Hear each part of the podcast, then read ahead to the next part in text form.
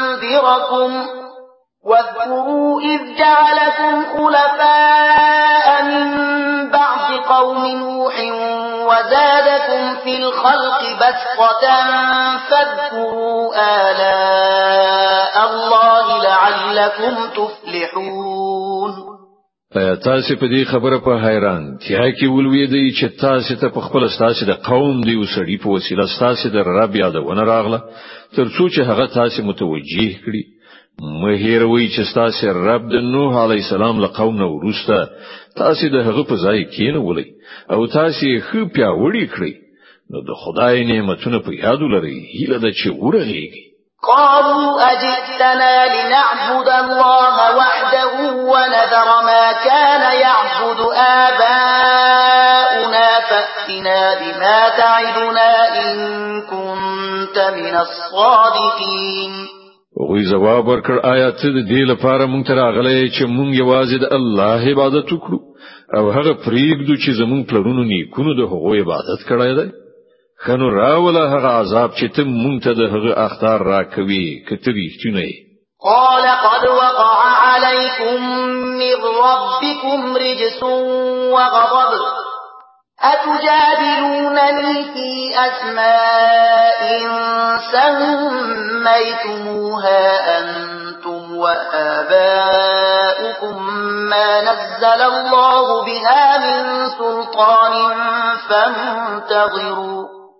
انتظروا انی معکم من المنتظرین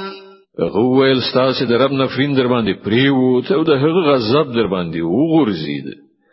آیا تاسو له ما سره په هغو نمونه شخړې کوي چې تاسو او تاسو پلرونو او نیکونو یې کړي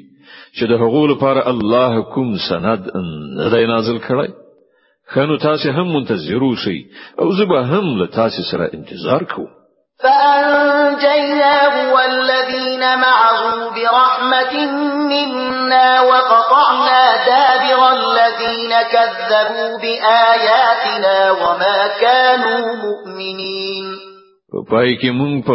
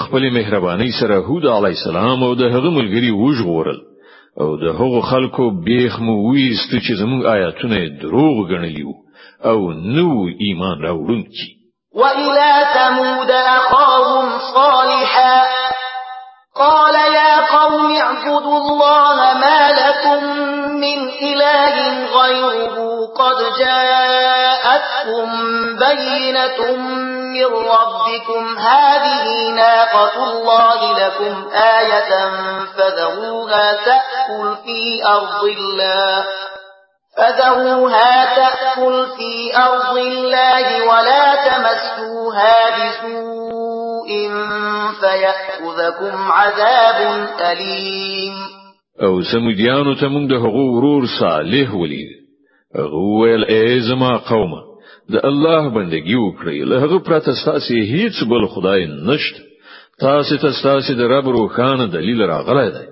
د الله دا اوخه تاسو لپاره د یوې نښانی په ډول ده نو هغه پریګ دی چې د خدای په ځمکه کې وڅري غیت په کوم ناوړه قصد لاس مور وړي کنه نو یو درناک عذاب تاسو ونیسي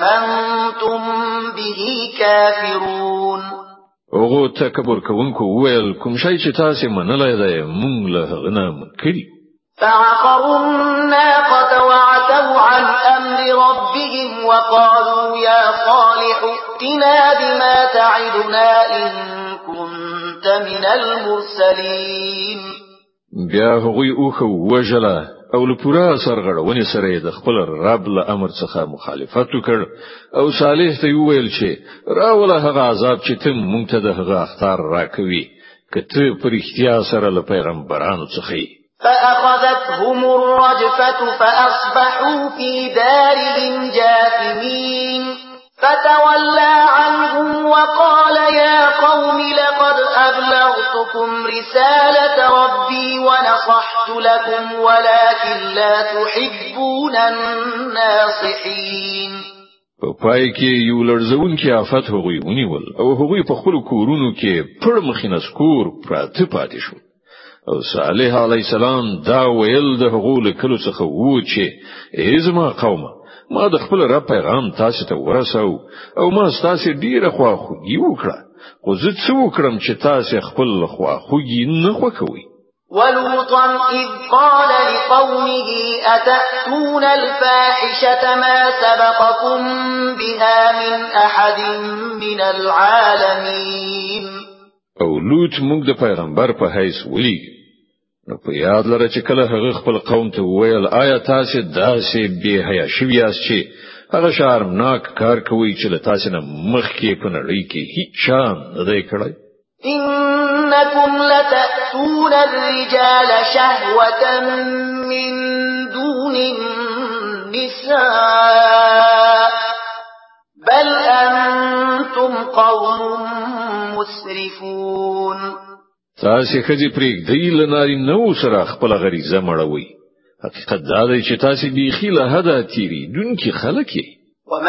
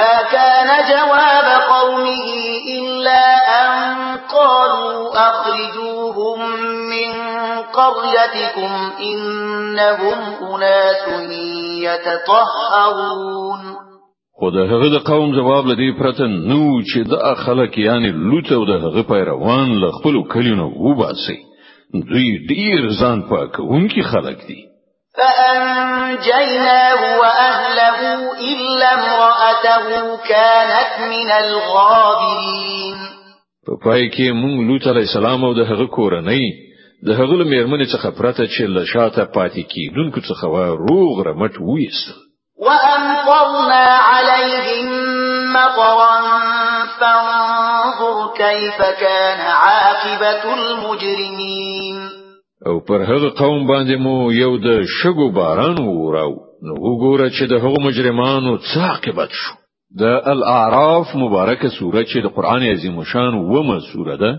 په مکه معظمه کې را نازله شوې ده 206 آیاتونه لري تلاوت او پښتو ترجمه یې ل 15 اتیاوم آیات څخه اوري وإلى مدين أخاهم شعيبا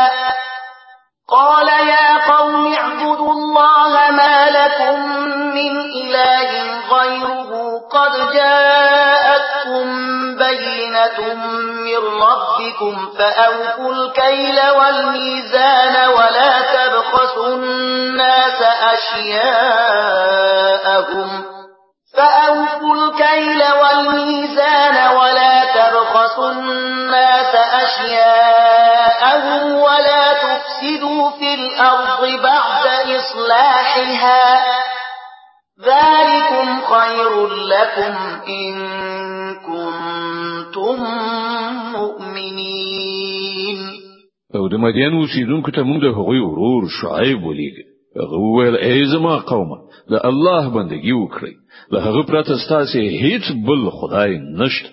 تاسو ته ستاسو د رب څرګند لار کوونه راغلی ده نو تله او پیمانه پوره کوي او د خلکو مالونه د تللو یعنی وزن کولو په وخت کې مکموي او په ځمکه کې فساد مراوړي چې کله د هغه اصلاح شوه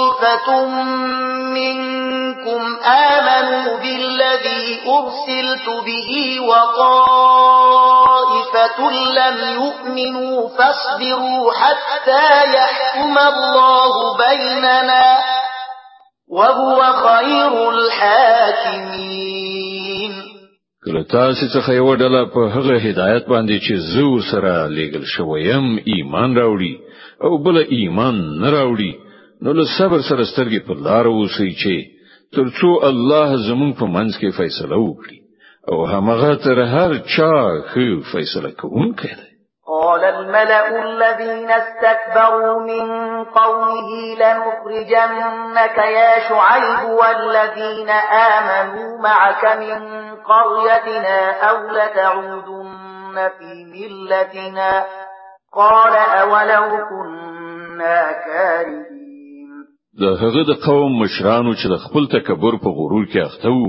هغه ته وویل چې ای شعیب مونږ به تا او هغه خلک چې له تا سره ایمان راوړای دی له خپل سیمې نه وباسو او یا به بیرته زمونږ ملت ته را اوختون کیاست شعیب جواب ورکړ آیا مونږ به په زور واړول شو که زمونږ خوخه هم نه وي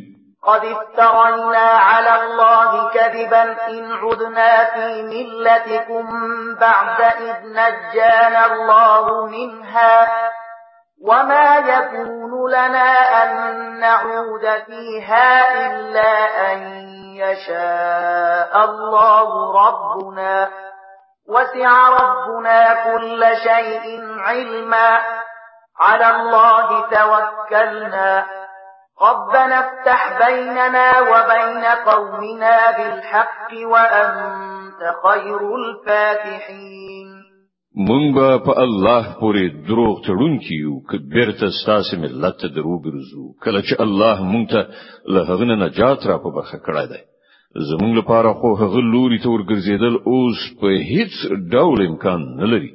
مګر دا چې زمونږ د رب الله هم داسې خوښ شي زمونږ د رب علم په هر څه پراخ چارپیر دی پر هغه باندې مونږ اعتماد کړی دی ای پروردگار زمونږ او زمونږ د قوم په منځ کې په حق فیصله وکړه او ته ډیر ښه فیصله کوونکی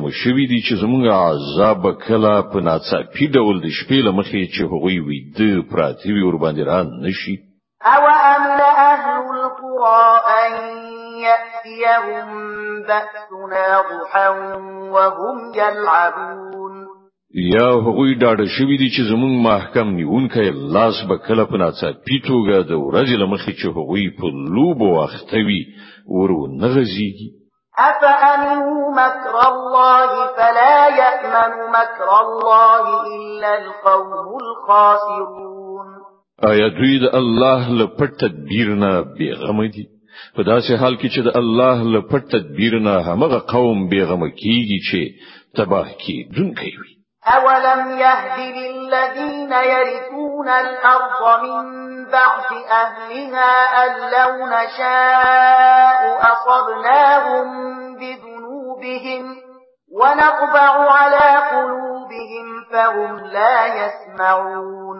او آیا هغه خلکو ته چې د زمکه له پخوانۍ او سیدونکو نه ورسته د هغې وارثان ګرځي دغه واقعیت څخه درس نه دی ورکړای چې کوم غواړو د هغوی په ګناهونو باندې هغوی نیولای شو او موږ د هغوی په زړونو باندې مهر وهو او بیا به هغوی هیڅ نه اوري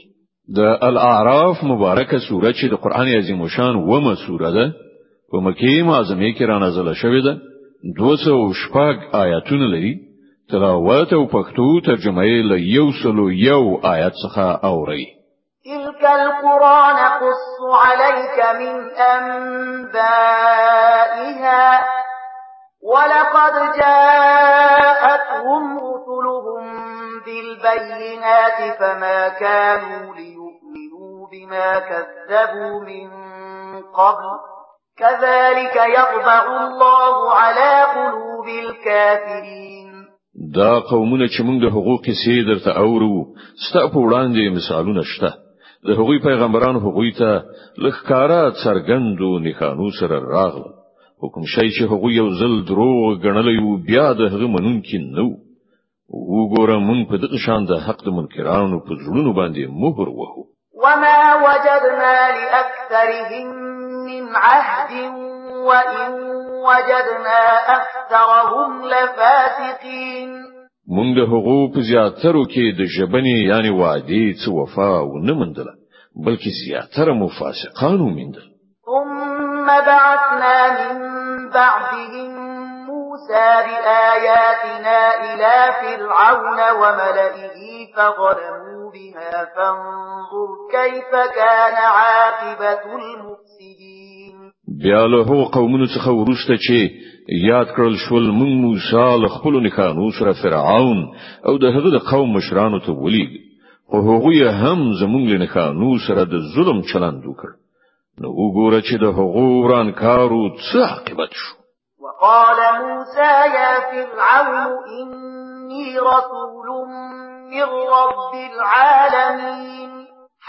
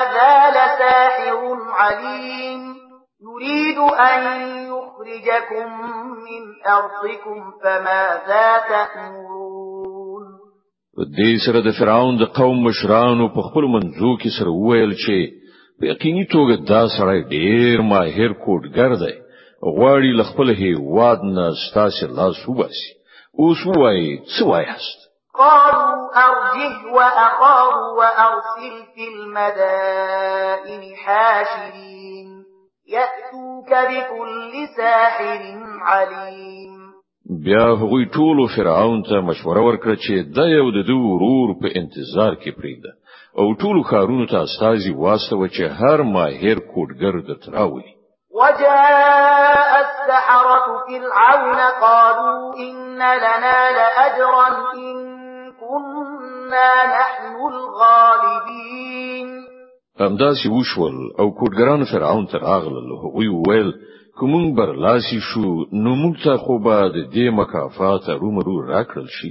قال نعم وانكم لمن المقربين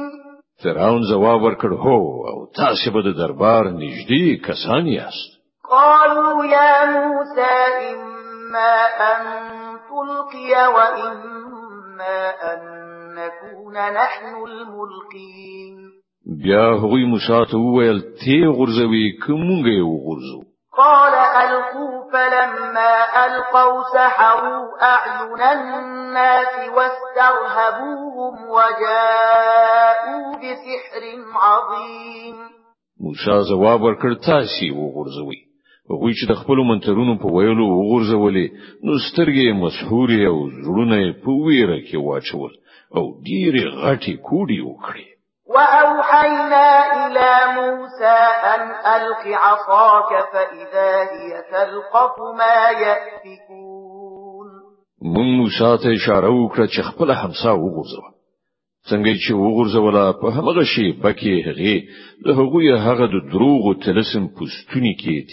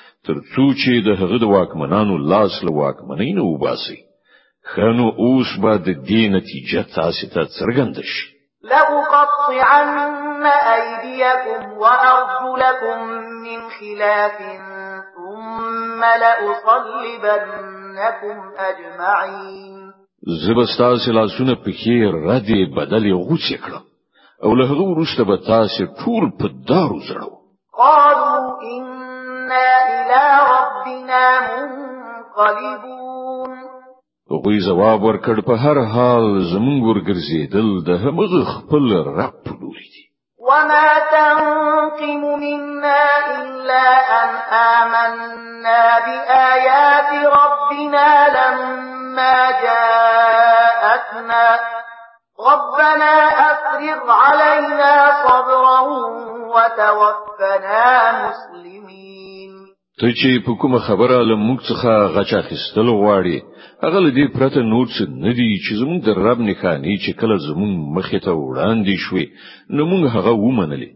ای رب پر موږ باندې صبر ووروه او موږ له نړۍ نه بوزه خو په داسې حال کې چې موږ ستا فرمان بردار وشو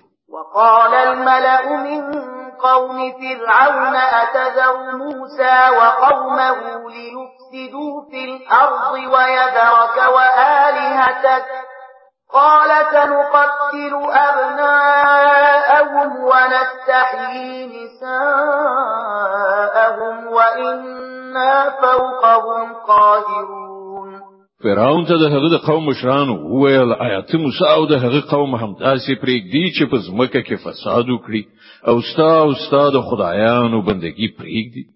فرعون جواب ورکړ زه به د هغو ځامن ووژنم او د هغو ښځې به ژوندۍ پرېږدم او موږ پر هغو باندې د قدرت برلاسي لرو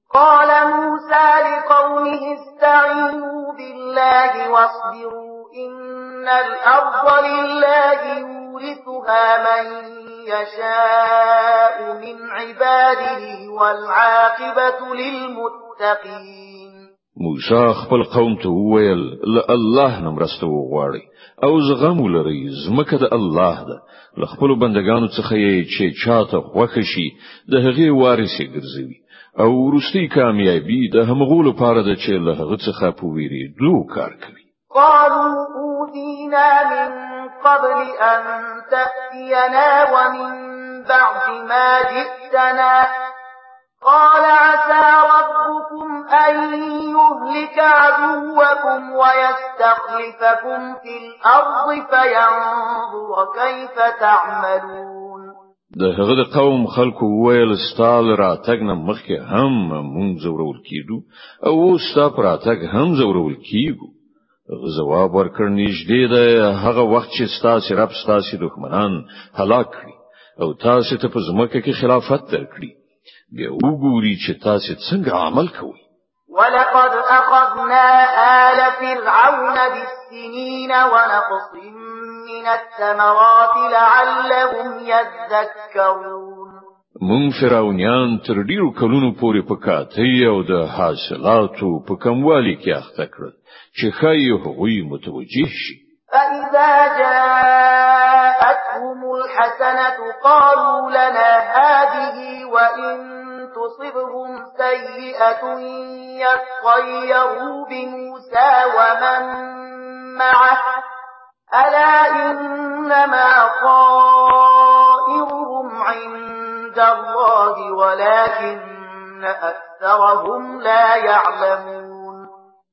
خو د هغو حالت دا و چې کله به خو وخت ور باندې راغی نو ویل به چې موږ د همدې وړي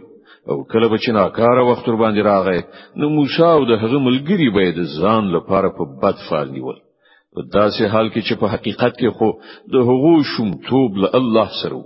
خو له هغو څخه زیاتره به علم وو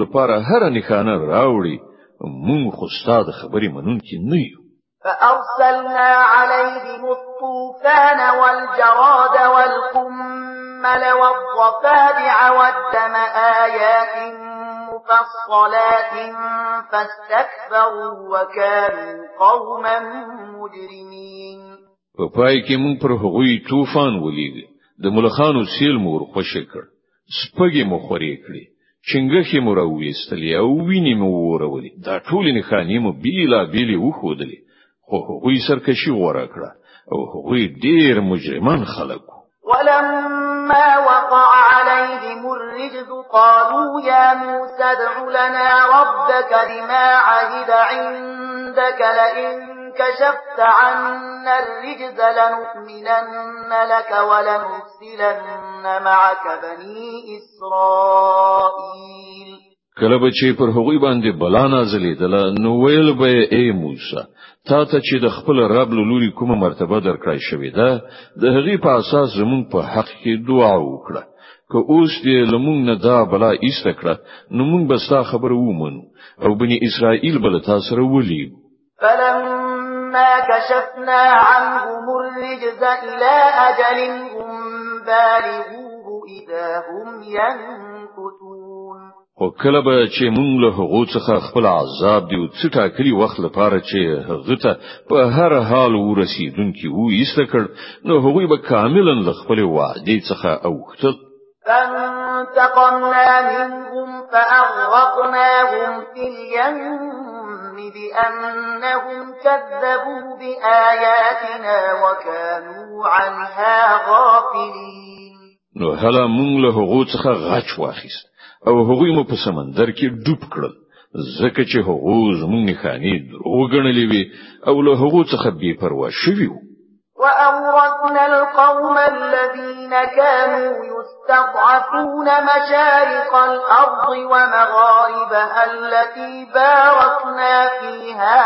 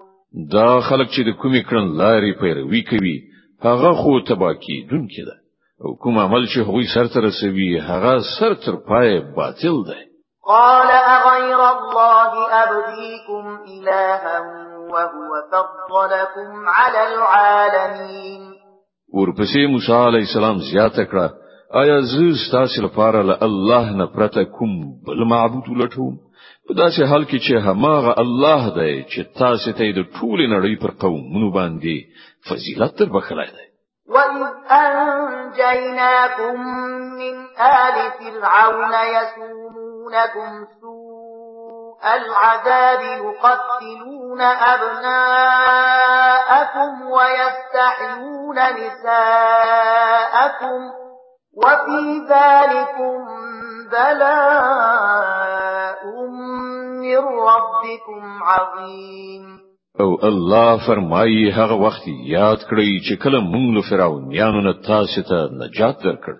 چې هغوی تاسو سخت عذابولې ستاسو ځامنې وجل او ستاسو لونی ژوندۍ پرې خودري او په دې کې ستاسو د رب لوري پر تاسو لوی ازموینه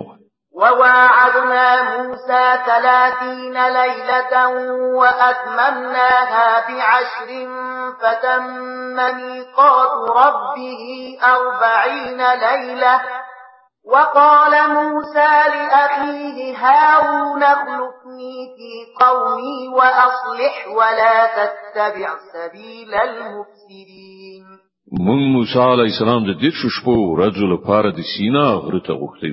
او وروسته مو لس ورځې نور زیات کړې په دې ترتیب د هغه د رب ټاکلې موده پوره څلويخت ورځې شو موسی علی السلام د تلو په وخت کې خپل ورور هارون ته وویل لما څخه ورسته ته زما په قوم کې زما قائم مقام اوسه او د اصلاح فعالیت کوه او د ورانکارو په لار مزه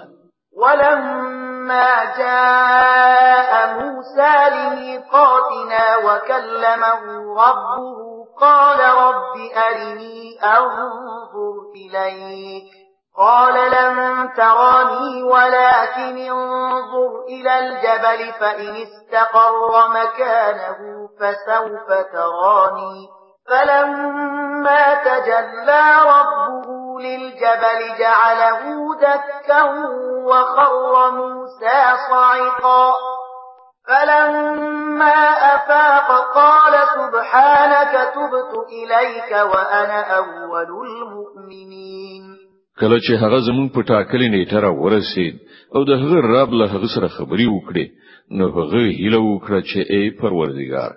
ما ته د لیدو چانس راکړه چې زه تا وګورم الله فرمایل ته ما نشې لیدلای هو لکشان د غرو لوري ته وګوره که هغه په خپل ځای ولاړ پاتې شو نو البته ته مالی دلای شي نو کله چې د هغه رب په غره باندې د دیدار وړانګي وغورځولې نو هغه یې مېده مېده کړ او موسی علی السلام بیوخه پریوت کله چې په صد شو نو وی ویل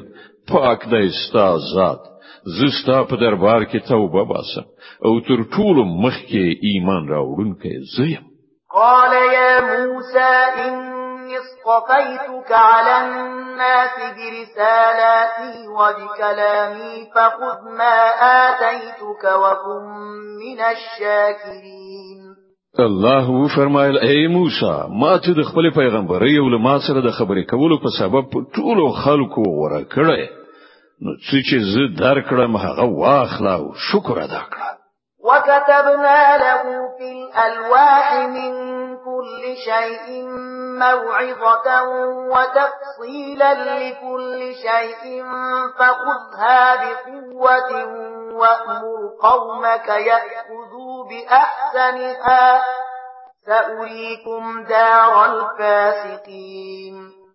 له هغه وروسته موږ موسی علی السلام ته د ژوند د هر څنګه په باب نصيحت او د هر اړخ په باب هدایت پر تختو باندې لیکلی ورکړ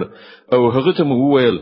دا هدایت په خپل محکم لاسونو واخله او خپل قوم ته امر وکړه چې د دې د غوره مفاهیمو پیروي وکړي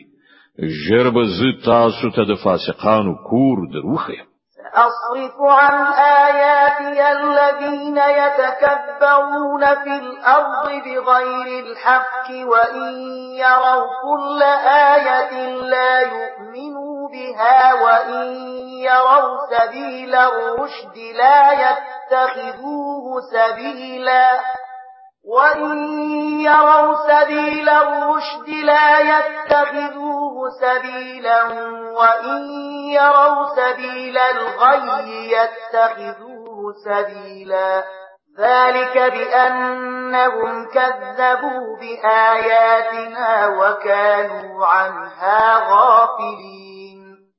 زبل خپل نکانو څخه د هغو خلکو سترګې واړوم چې په ناحقه په ځمکه کې تکبر کوي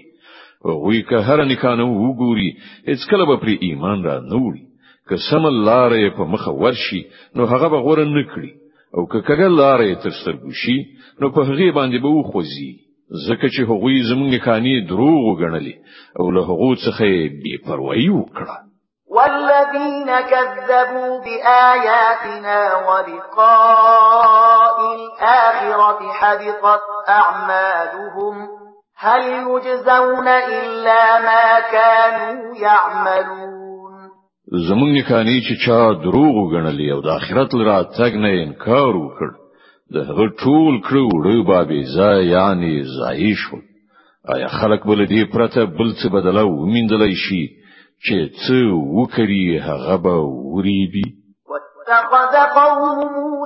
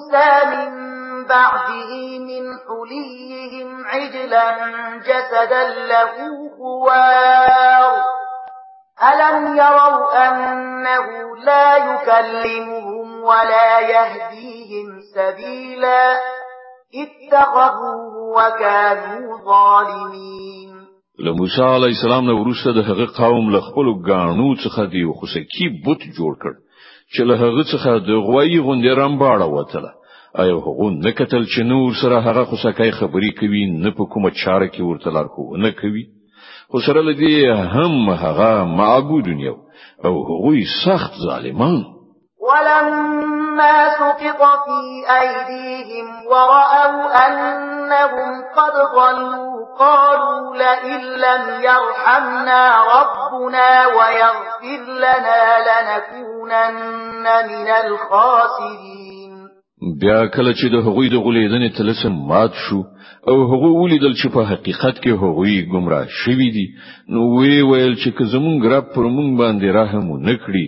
او مونږ ته بخنه ونکړي نو مونږ به تباه شو صدق الله العظیم الله ستر رښتیا ویونکی دی